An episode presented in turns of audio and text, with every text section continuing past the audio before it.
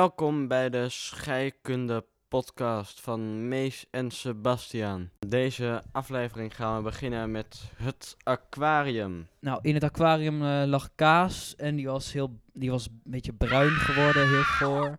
En er lag champignon en die was helemaal wit geschimmeld. En eh Daans tomaat, die leek een beetje alsof hij in de oven was gedaan. Eh, die had allemaal blauwe schimmel en zo. En mijn tomaat, daar was nog niks gebeurd.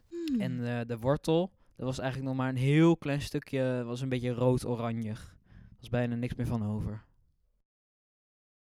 Bij de eerste proef was er een eh, kaarsje, stond er eerst. Dat eh, kaarsje werd aangedaan. Er werd een bekerglas, werd boven het kaarsje, kaarsje gedaan. En als je dan je vinger eroverheen deed, zag je dat er water op zat. Ja, het was een, het was gewoon condens. ja, het was een koud bekerglas door ko- eh, oh ja, eerst ijsklontjes. ijsklontjes water erin gedaan en er weer uitgedaan. En dan eh bekerwa- bekerglas erboven ronddraaien.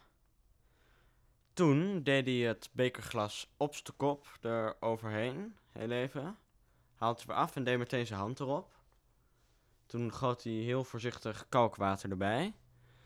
En toen hij dat kalkwater erbij gooide en even schudde, werd het kalkwater wit, waaruit we dan kunnen concluderen dat er koolzuurgas in het kalkwater zit. Daar kwam dus waterdamp uit. en koolzuurgas.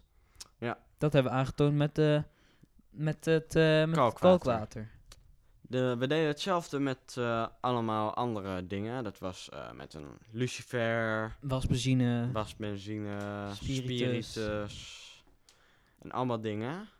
En daarbij gebeurde allemaal hetzelfde. En daaruit kunnen we dan eh, concluderen. Elk vuur stoot CO2 en koolzuurgas uit. CO2, Nou, niet elk vuur, maar gewoon van de dingen die we hebben getest. Dat waren alleen maar organische eh, brandstoffen. Stoten CO2 en, eh, en sloot- waterdamp. stoten waterdamp en koolzuurgas uit. Maar koolzuurgas is hetzelfde als CO2 Oh ja, dus. waar. Nou ja. Ja. Oké. Dat was proef. Ik ben de nummer kwijt.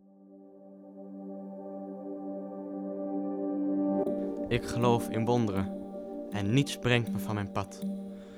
Het geeft ruimte aan mijn vuur, dat voordien gevangen zat.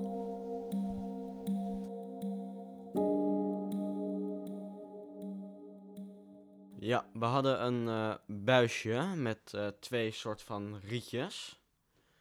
Een kort rietje en een lang rietje. En dan moesten we eh, eerst zorgen dat het eh, lucht van de kamer door het buisje Ja. erin ging. En Nee, maar- dan via het buisje er weer uit. Ja, maar het zat, zat dus ook... eerst deden we dus water in het, Oh ja, in het water. buisje. En dat water, dat moest... eh, het lange rietje moest wel met de onderkant in het water uitkomen en het korte rietje niet. Dus eh, dan zo- zoog je eerst door het eh, korte rietje. En daardoor kwam je er. Nou, dan ging het lucht van de kamer van, de, van het lokaal. ging door het water weer in je mond.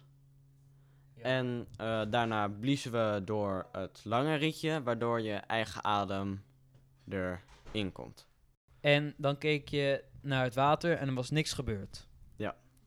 Toen deden we, dat, toen deden we kalkwater erin.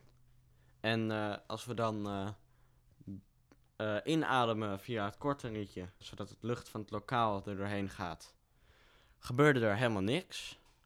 Maar als maar je als je door het lange rietje blies, met, met lucht uit je eigen longen, dan werd het kalkwater wit. En als je echt heel lang blies, dan werd het kalkwater uiteindelijk weer niet wit. Hieruit kunnen we concluderen dat er zelf een soort verbranding in je lichaam plaatsvindt. Want eh, er komt CO2 vrij. Het spijt ons ten zeerste, maar Mees van den Berg en Sebastiaan Nachtegaal zijn zomaar vergeten hun trouwe luisteraars een goede dag te wensen. Ik hoop dat u ondanks deze teleurstelling toch van hun hersenspinsels heeft kunnen genieten.